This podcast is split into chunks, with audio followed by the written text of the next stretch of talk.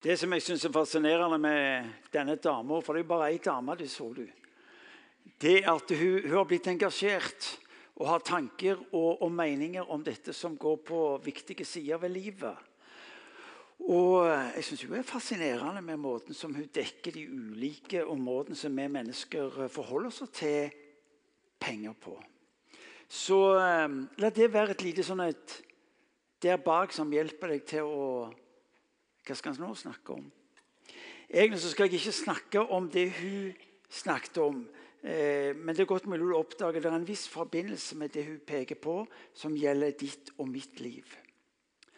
På fredag så eh, hadde vi en spesiell eh, hendelse her i huset. Vi hadde begravelse. Åge Rege, eh, en god venn som eh, eh, ble en del av huset vårt i senere år, og som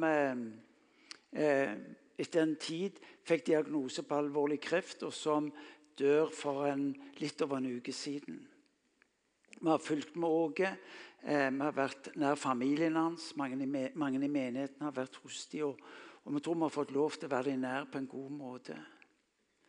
Og På fredag så, så var det en Det er litt underlig å snakke om en begravelse som er vakker, men det var en vakker begravelse. Eh, innslagene, eh, talen eh, Anne-Berit, du sitter her ennå. Det var, det var prakkfullt, rett og slett. Og mens jeg sitter her og ser på det som skjer, så slår det meg Det er akkurat som det slår ned i meg så kraftig. Så er det dette Derfor er det vi har kirke. Når mennesker konkluderer, når mennesker har gjort opp regnestykket av hva som kan gå, og hva som ikke kan gå, så sier Gud vent nå litt, la meg få lov til å se på dette regnestykket. For denne begravelsen bar med seg håpet. Den bar med seg fremtida. Der omgivelsene ville ha konkludert med gått ut. Ikke mer liv, ikke fremtid. Var begravelsens innhold om den åpna døra om det som lå foran, om håpet og om himmel. Og det slo meg, og jeg gjentar Når jeg sitter her, så tenker jeg derfor kirka. Derfor du og meg i denne verden. Fordi at når menneskene møter det umulige, det ubegripelige, det som virker slutt, så representerer du og meg en røst inn i denne verden som sier nei, nei, nei, vent nå litt. Grann. Der du opplever at det er ferdig, sier Gud, det er begynnelsen på det som er det virkelige. Når du er meg opptatt med å si jeg har ikke mer å gi inn, så sier Gud når du har nådd til enden av ditt, da er du ikke engang ved begynnelsen av mitt. Derfor kirka. Derfor IMI. Derfor du og meg i denne verden derfor kristne i denne verden. Fordi denne verden trenger, og trenger deg og meg å få tak i dette som, som forbindelsen til himmelen. Som forbindelsen til himmelen. Denne verden vet ingenting om himmelen dersom ikke du og meg vil være det bildet av den. En gang til. Denne verden vil ikke vite noe om den fremtid Gud har for mennesket, om den ikke får lov til å se det hos deg og hos meg. Derfor er du meg her fremdeles. Hvis ikke så ville det vært meningsløst at vi skulle være her. Hvordan? Tre enkle ord. Eh, det som kjennetegner en fallskjermhopper som hopper ut fra et fly med noe tynne duk på ryggen. Det virker meningsløst. Så våger han å hoppe ut fra flyet fordi han forstår det elementet han befinner seg i. Og ut ifra den forståelsen han har av aerodynamiske lover og hvordan det fungerer med denne tynne ubegripelig tynne duken, så vet han hvordan han skal forholde seg. Han verdsetter kunnskapen om det han forstår, med det han så handler ut ifra. Og så går det bra. Jeg så på han som satte verdensrekord, verdensrekord i skiflyging i går. Han landa på 253,5 meter. Det er gruelig langt, det. Når du hopper 253,5 meter, så når du lander, så det er det samme som du skal opp fra taket fra et bolighus. To etasjer. Da kjenner du det. Men det var, no, det var noen som bare hoppet 146. Hva var forskjellen? Forskjellen var at Johansson han forsto elementet. Han forsto hvordan han skulle forholde seg. Idet han går ut fra hoppkanten, så forstår han hva han må og skal gjøre. Og Der de andre lander på kulen, fortsetter han videre nedover. De andre har trent like mye. De er like sterke. De har de samme skiene. Forskjellen er at Robert Johansson han lander på 252 meter. At de tør! Vet du hvorfor de tør? Fordi de forstår hva de holder på med.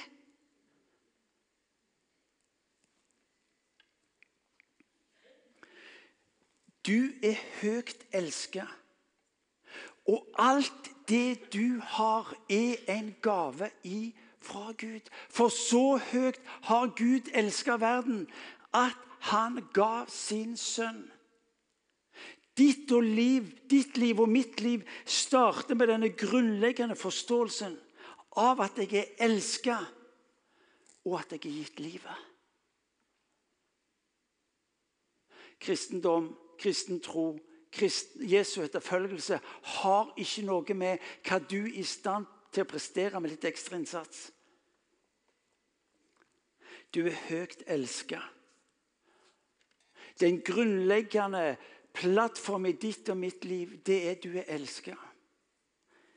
Å forstå at jeg er elska uansett, samme søren, hvordan jeg takler, steller til livet mitt, kan det aldri endre på det faktum at jeg er elska. Aldri. Og så ga han deg rett til å bli Guds barn. Han har gitt deg retten til å være Guds barn. Dersom du ikke forstår hvorfor du er på denne kloden, så vil livet handle om deg. Når Jesus sier 'Martin, så høyt elsker deg', at han gir meg og deg som tror på ham, retten til å bli Guds barn. Det betyr at han også tar oss inn i det livet han har for oss. For at meg og deg skal ta dette videre ut til denne verden. Du er skapt med en hensikt. Når vi snakker om å skapt for å skape, så betyr det at du er skapt med en hensikt til å være en del av det Gud gjør i denne verden. Og dersom du ikke blir en del av det han gjør, så vil du bli et resultat av det du gjør. Og Det er to forskjellige ting. To forskjellige ting. Hensikten med ditt liv, ditt livs hvorfor. Hvorfor er jeg her? Hva er hensikten med det jeg har av ressurser og muligheter? Dersom du ikke forstår dette livets hvorfor, hensikten med ditt liv, så blir livet det du klarer å gjøre ut av det maksimalt. Du er kalt noe langt større enn å gjennomføre med det du tror du er i stand til å gjøre. Når Jesus dør på korset, så er det for å rydde bort synd. Ja, det er faktisk noe langt mer alvorlig enn det. Jesus dør ikke primært for hva du har gjort eller gjør, men han dør for hvem du er. Han ble gjort Han ble gjort til deg og til meg.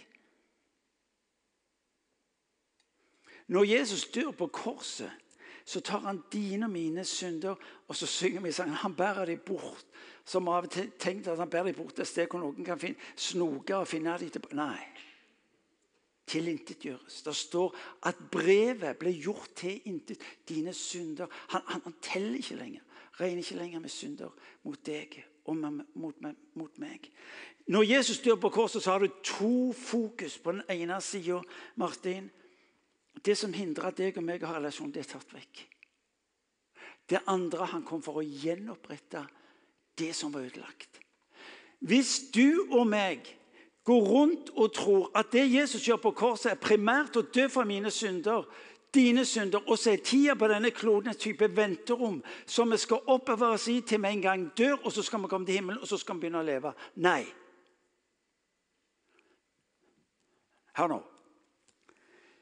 Kan du tenke deg noe mer meningsløst enn å få gjelda sletta, og så ikke ta konsekvensen av at nå er jeg fri? Fri til å bli en del av det som var Guds opprinnelige plan med deg og meg. Første Mosebok kapittel 1, vers 28 står det at Gud gir mennesket en befaling om hvem de skal være. De skal være med å forvalte det skaperverket bli mange, står der. Fylle opp jorden. Hvorfor? Fordi at denne verden skal få øye på min herlighet. Når Jesus dør på korset, så tar Gud oss tilbake til det, det som var hans opprinnelige plan. Å være medarbeidere på det som han gjør inn i denne verden. Det er ikke småtterier. Du lever ikke lenger sjøl. Jeg lever ikke lenger sjøl, sier Paulus, men jeg lever for han, sammen med han, for å se det som er hans plan med ditt og mitt liv. Derfor, derfor blir Guds ord for deg og meg så viktige. For i det øyeblikket du og meg velger å bli en del av det Gud gjør, så utsettes vi for innflytelse, tanker. Derfor blir Bibelen så viktig for oss. For på den ene sida har vi blitt eksperter på det Gud gjør for oss på korset. Men vi er rimelig, med all respekt, så er vi rimelig uvitende om det han har for oss i det livet han har frelst oss til. Få tak i dette. Jeg sa det sist gang. Det primære ved Jesus Kristus er ikke primært at han frelser oss fra synd og fortapelse, men at han frelser oss til evig herlighet. Det er to forskjellige fokus av det. For hvis han primært dør for at jeg skal få oppgjort min fortid, da er mitt fokus at nå må jeg sikre meg at jeg ikke ender opp i det gamle og det galne.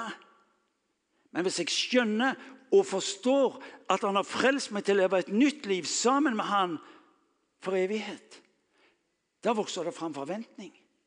Da vokser du fram til hva blir det?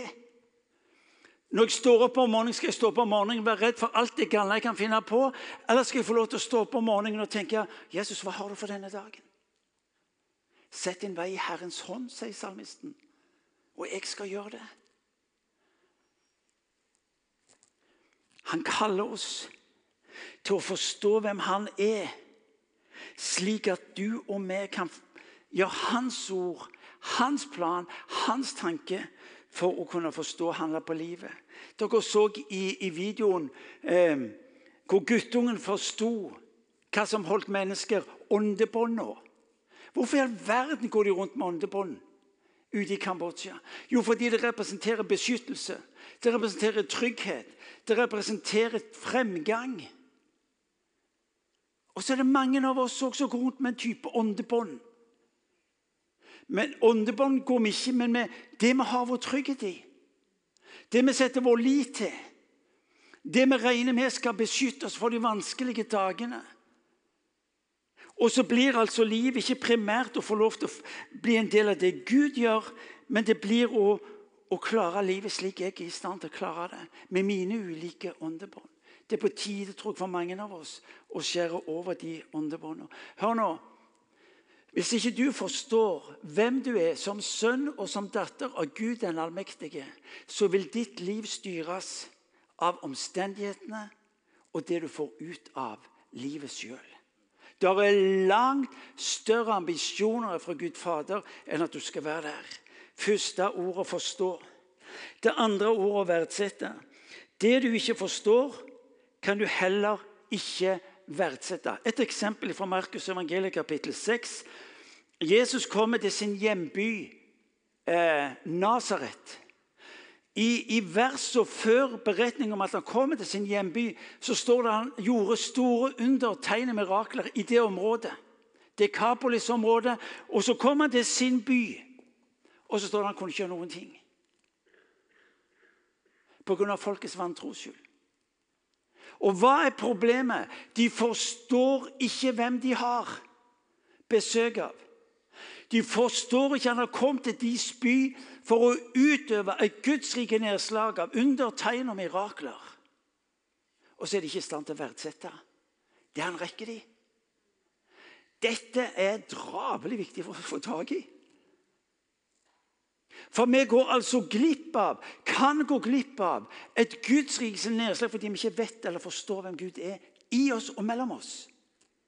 Hans egen hjemby så, Ja, men dette er jo, dette er jo Jesus, er jo sønn av tømmermannen Josef. Og så forsto de ikke hvem de hadde besøk av. Og så var de ikke i stand til å verdsette, forholde seg til, jeg kunne si, ta i bruk det han representerte. Og så står det at han kunne ikke gjøre noen undergjerninger mellom de, bortsett fra noen få. Det du og meg forstår, det vil vi også verdsette. Når eh, Robert Johansen forstår at jeg kan hoppe over 250 meter hvis jeg verdsetter kunnskapen min om forståelsen av disse aerodynamiske lovene at han tør. 98,7 km i timen. Da hadde jeg satt meg bakpå, for jeg tenkte nå må jeg ikke lene meg for langt framover. For da går på trynet. Når de når hoppkatten, hva gjør de da? Da hiver de seg framover. Skal jeg fortelle deg noe? Det er mange som ser på noen av oss kristne og tenker dere er egentlig tørne. Dere er egentlig tippa fordi at uh, dere, dere lener dere for langt framover. Hold dere litt tilbake. Vær litt tilbake. Det blir ingen verdensrekorder av å trekke seg tilbake. Fordi du og meg vet vi forstår hvem vi er sammen med. Får du tak i det? Kjære Gud. Robert! Du må være forsiktig når du nærmer deg kanten. For hvis du lener deg for langt fram, så kan du gå på trynet. Ja, jeg kan så, sier han. Men jeg forstår hva jeg holder på med. Jeg skjønner de aerodynamiske lovene, og jeg vet at når jeg treffer hoppkanten, og jeg lener meg bare gå framover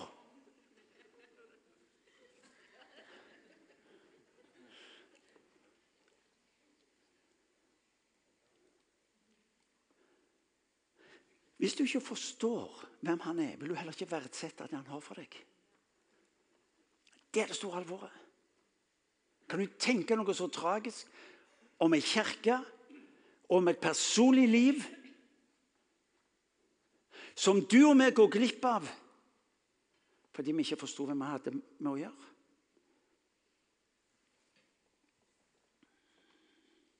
Når du og meg forstår at Gud er din far hva det representerer av relasjon med ham, hva det representerer av frihet, av trygghet. Når du meg våger å tro fordi vi skjønner han elsker oss høyere enn noe annet, og det han sier i sitt ord, det mener han om deg og meg. Da skal du og meg få lov til å være.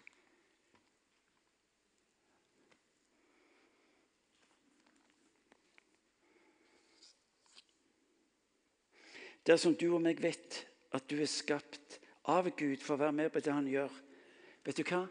Da vil du òg søke å skape sammen med han. Skapt for å skape. Vær med på det han gjør for å skape som han skaper. Han har tatt bolig i ditt liv med sin ånd. En gang til. Han har tatt bolig i ditt liv ved sin ånd. Vet du hva det betyr? Alt er mulig. Det betyr at der du ser død, ser han liv. Der du og meg ser begravelsen og avslutningen, ser han den åpna døra og himmelen. Derfor er det så viktig at du og vi får lov til å være hos han, så vi kan forstå hvem han er, for på den måten å verdsette det han gir oss. For med det å skjønne at det er bedre.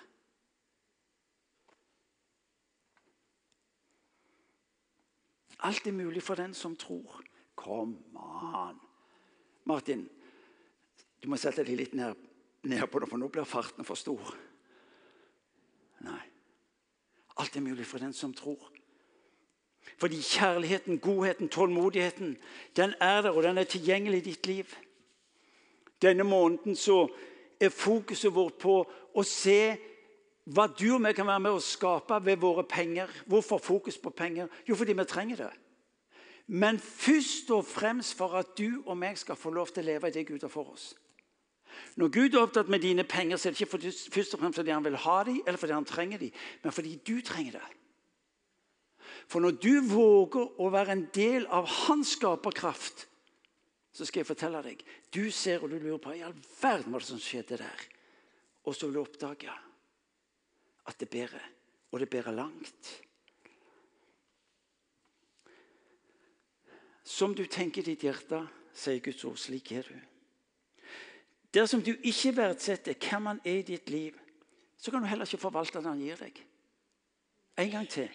Dersom du ikke verdsetter hvem han er i ditt liv, kan du heller ikke forvalte, skape det han har for deg og for de mennesker rundt deg.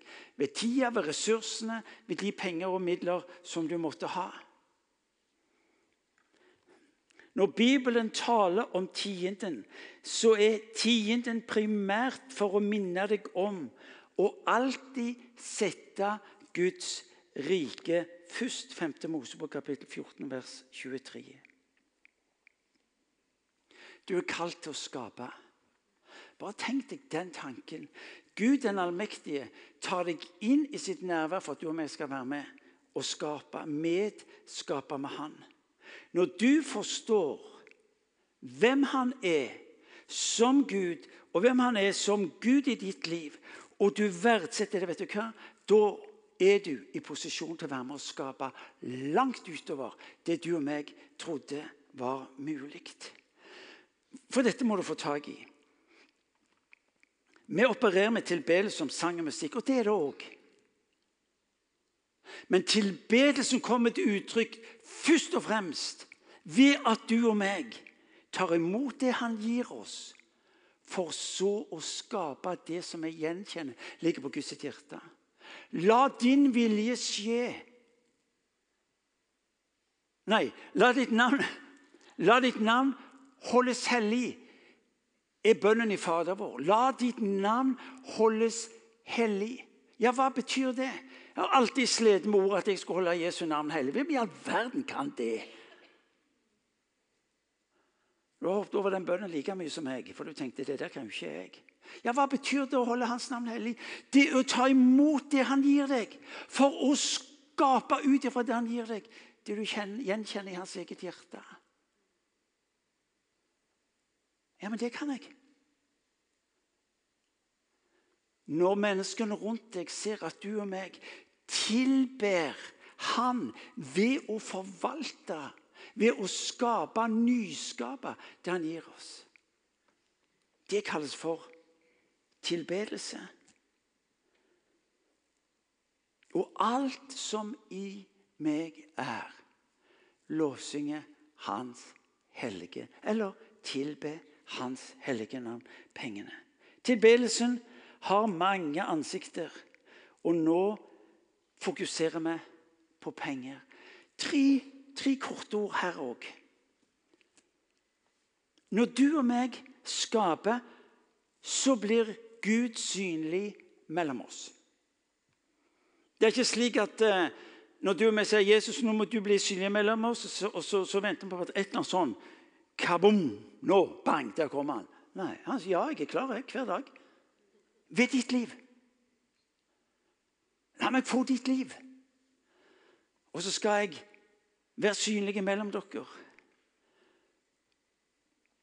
Når du og meg forstår at du er med på det han gjør, er alt mulig. Når du og meg forstår hvem han er, når du og meg verdsetter hva han vil, hvem han er ditt og mitt liv Hvis det høres ut som jeg gjentar, så er det det jeg gjør. Johannes evangeliet kapittel 6. Jesus har hatt vekkelsesmøte. 5000-6000 mennesker, så en del kvinner og barn. Og så sier han til Philip og Andreas Philip og Andreas, eh, gi dem mat å spise.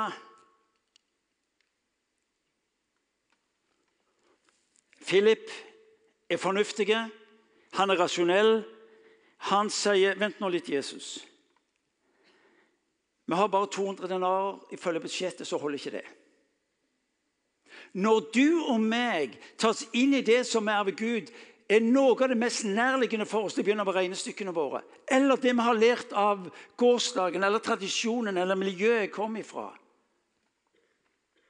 Jesus,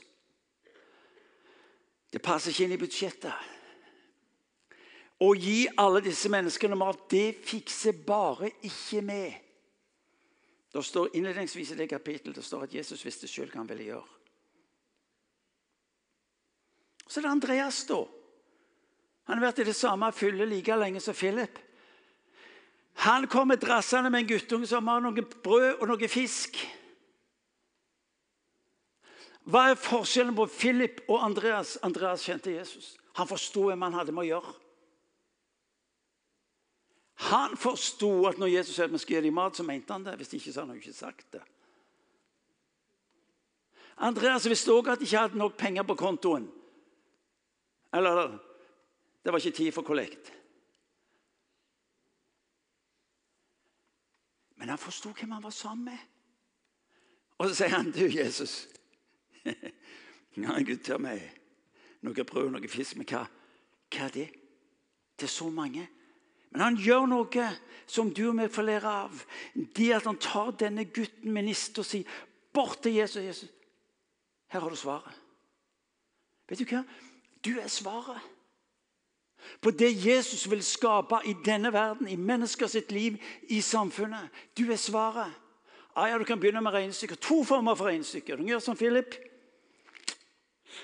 Jesus, jeg skjønner du har god intensjon. Jeg forstår at du ønsker å bety noe godt i disse menneskers liv, men det passer ikke budsjettet. Skal vi glemme det? Eller en Andreas. Ja, ikke sitt der soverlegen, for du tenkte at ja, det er klart han, er klart han, han skjønte det, han òg. Hva tror du de andre disiplene tenkte når Andreas kom med guttungen med nista? Jeg tenkte Andreas, da tullkopp. Hva er dette her til så mange? Du må følge med. Du òg kan regne. Hva er det Andreas gjør? Få tak i dette. Han forsto. Han forsto hvem Jesus var.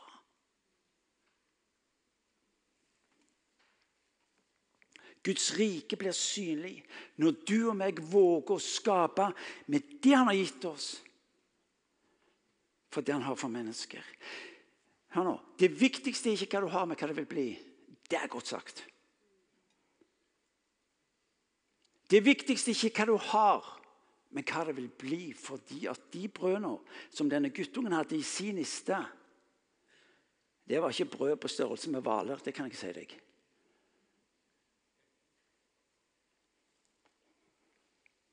Det andre er det blir tilgjengelig.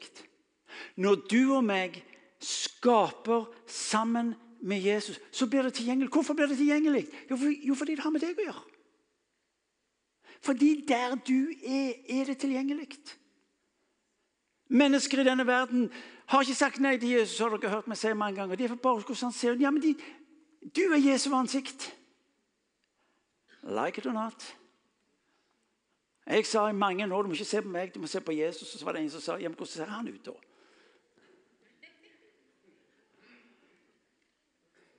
Det er tilgjengelig. Når du skaper, så er det mulig fordi at det er tilgjengelig ved deg. Når du står opp om morgenen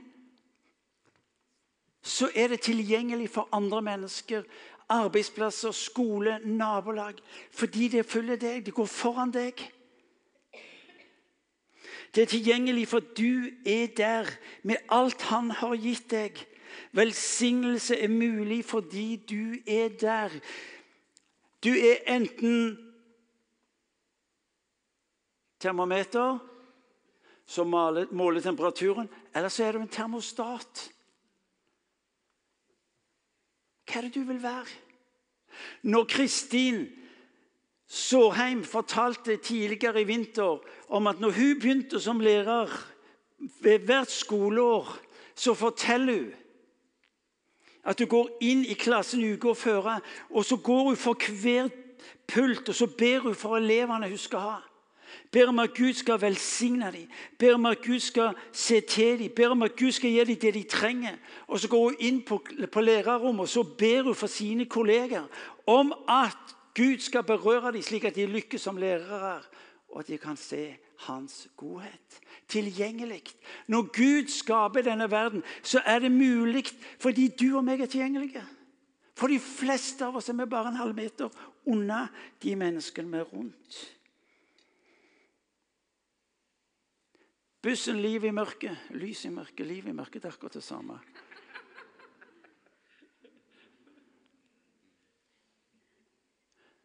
Frode og Einar Martin, der dere sitter. Død mann hvor dere er forbilder for meg. Fordi dere har gjort det så ubegripelig enkelt. Dere har gjort det så tilgjengelig. Og så er mennesker ute på kjøret, og så møter de bussen. Fordi noen som ville gjøre det tilgjengelig. De ville skape nytt liv ved å være tilgjengelige.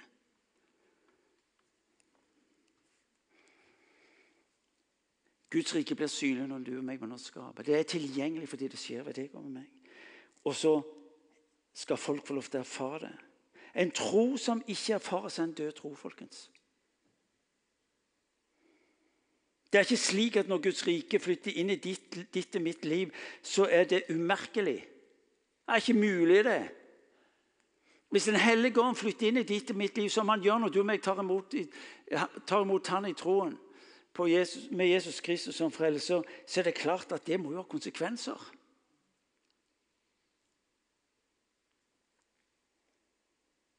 Han skal vokse, og jeg skal avta, sier Johannes. Du omtaler som Den hellige ånds tempel. Å nei. En tro som ikke erfares, en død tro. Hør nå. Hvorfor i min kirke? Det tok meg på fredag. Fordi du og meg skal få lov til å gi mennesker et møtepunkt, en erfaring. Det skjedde på fredag. Av at en Gud som er kommet nær, og som er god. Når du ser hva som skjer i Kambodsja Hvorfor i all verden skal vi bry oss om Kambodsja? Kan ikke andre gjøre det? Det er fordi Gud har lagt noe på hjertet vårt. Han har, han har skapt noe hos oss som gjør at vi, vi kan ikke la være. Når Geir nå er på vei hjem fra London med nesten 50 konfirmanter som holder på å få livet sitt forvandla, så er det fordi at Geir kan få en mye bedre betalt jobb enn å jobbe i Jimi. Han kan få en mye bedre jobb ved å jobbe et annet sted.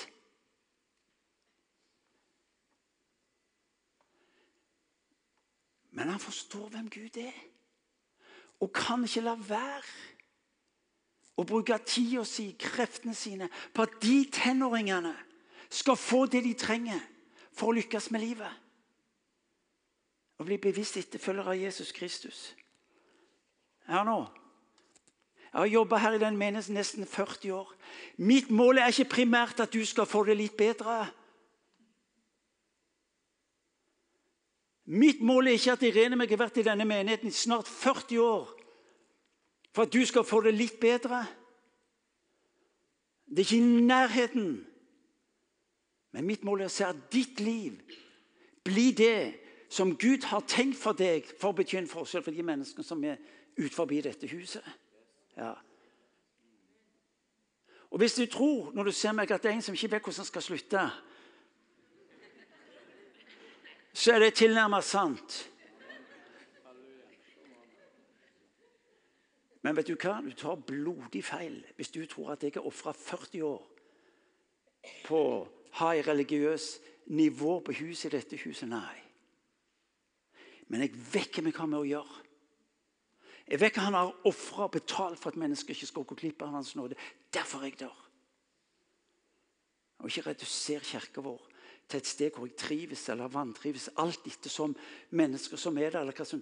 Nei, dette stedet er et sted som når døden rammer oss, når mørket tar oss, som ikke vet hva som skal skje, så skal folk vite vet du hva? Dette stedet er et sted hvor Gud er tilgjengelig. Jeg skal begynne å slutte. Noen sier ja, men hør Martin, store menigheter må ha mye penger. Nei da. Store menigheter har mindre penger enn de fleste fordi de vil fremover. De pusher grensene. De vil stadig videre. Og Den som følger med regnskapene i min kirke, vil skjønne at det, nei, disse folka lever helt på kanten. Og det er det vi gjør. Av og til lever vi over kanten. Men vet du hvorfor vi gjør det? Fordi vi forstår hvem vi er sammen med. Vi vil verdsette det han gir oss. Fordi vi vil ikke gå glipp av å være med å skape nytt liv der han har satt oss å være i denne verden.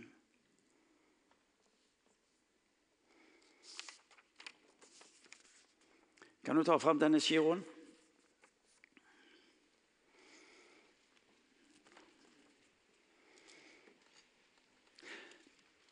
Egentlig, egentlig er det tull å snakke om givertjeneste, for Bibelen sier at alt tilhører Han. Alt hører Herren til. En gang til. Egentlig er det tull å snakke om givertjeneste, tiende, fordi at alt hører Han til. Men vi gir tienden og enda mer for å bekjenne Jesus Kristus. Når vi er med på å velsigne, gir inn i det som du har gitt oss, så er det ikke primært for å si at 10 er ditt og 90 er vårt. Nei. Det er for å bekjenne at alt hører deg til. Og når jeg forstår hvem han er, og du meg forstår at når jeg rekker fram det han vil se bli til velsignelse for andre mennesker, da skjønner jeg at i det øyeblikket jeg gjør det, da er det noe som vokser. Da er det noe som vokser. Søk først Guds rike, sier Jesus i Matteus evangeliet kapittel 6. Så skal du få alt andre i tillegg. Søk først Guds rike med alt det du har. Tida di, pengene, ressursene dine. Søk først Guds rike. Søk først Han med alt det du har. Så skal du få det andre i tillegg. Og så sier Bibelen vel, hvis du søker Han med lite, så får du lite igjen. Det er snakk om et karrig sår høste karrig. Bibelen sier noe om at eh, den som gir rikt Ja, det er helt riktig. Du velsignes tilbake som du sjøl gir ut. Du avgjør hvor mye du skal velsignes av Gud. Wow! Ja, du kan i hvert fall ta med hjem og tenke på det. For ettersom du gir, sier Skriften, skal du velsignes tilbake. Bær det inn i huset. Dette huset. Ja, men jeg gir overalt og hele resten av verden. Ja, de interesserer ikke meg. Hvis dette er din menighet, så taler Bibelen om et sted tilhørende hvor du skal få lov til å gi. Kan du tenke noe mer fenomenalt? Her har vi feira nattvær sammen. Og så skal vi få lov til å stå sammen for Kambodsja, for tenåringene våre, for lys i mørket, for veiledningstjenesten, for ungene våre. Vi står sammen med det Gud har velsigna våre liv med. Vil du velsignes? Klart du vil det. Dette er altså Guds, mul Guds mulighet til å velsigne deg. Ikke les den som om nå skal jeg gi mer pengene mine. Vet du hva? For det første Hør meg tydelig. Jeg interesserer meg vel ikke i dine penger. Men jeg interesserer meg for at du skal erfare at Gud velsigner. Og når du og meg er tro mot det han sier, da er vi med å skape. Kan vi reise oss, og så skal vi gå til avslutning?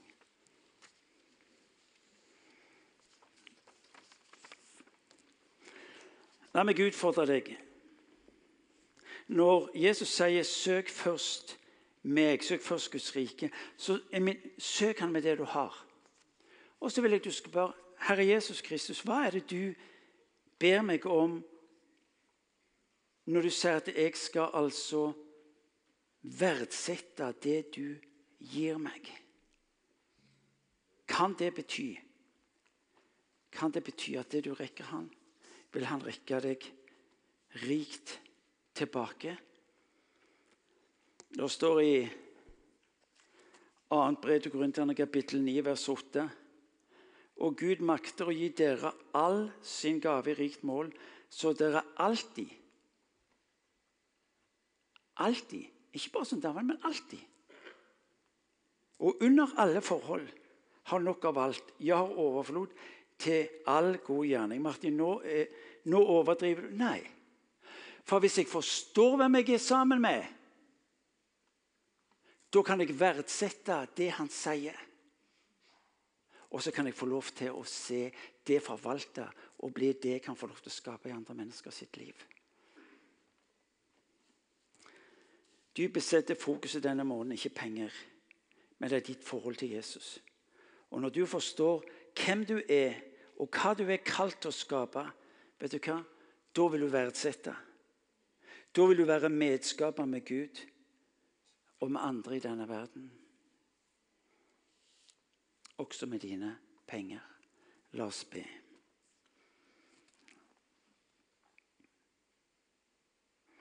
Han kaller deg inn i forståelse av hvem han er, og hvem han vil være i ditt liv.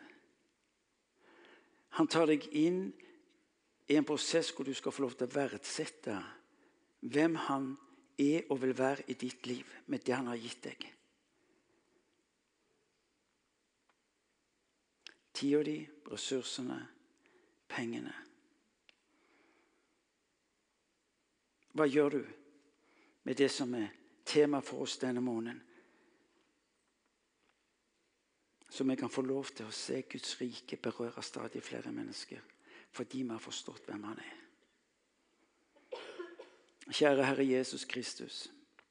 Vi takker deg fordi du er mellom oss som den som elsker takker deg for, fordi det er du som ser at ingenting kan skille oss fra din kjærlighet. Ingenting. Du har sagt at du er oss nær med hele ditt rike ved din ånd. Far, vil du hjelpe oss å se og verdsette på en slik en måte at vi gir ut og handler, Herre, som du kaller oss til å gi ut og handle. Far, bevar oss ifra å skulle definere livets muligheter ut ifra omstendighetene. Men la oss få lov til å hvile hos deg. Vil du hjelpe oss, far, til å kutte de åndebåndene som representerer den falske tryggheten? Forbruket, misbruket. Far, la oss få lov til å være hos deg. Herre, når du, når du ber oss om å komme til deg med du har velsigna våre liv med, så er det fordi at det skal mangfoldiggjøres. Du sier vi skal prøve deg, om ikke du vil la himmelens eh, sluser åpnes over oss. Far, vil du hjelpe oss til ikke å være redd, men våge å rekke det fram mot deg. Far, vi ber om det. Hjelp, hjelp mennesker, Herre Jesus, i salen i kveld. Når de holder lappen i hånda, til ikke bare tenke på at dette er interessant eller en eller annen gang, men nå. Far, vi ber om det i ditt navn. Amen.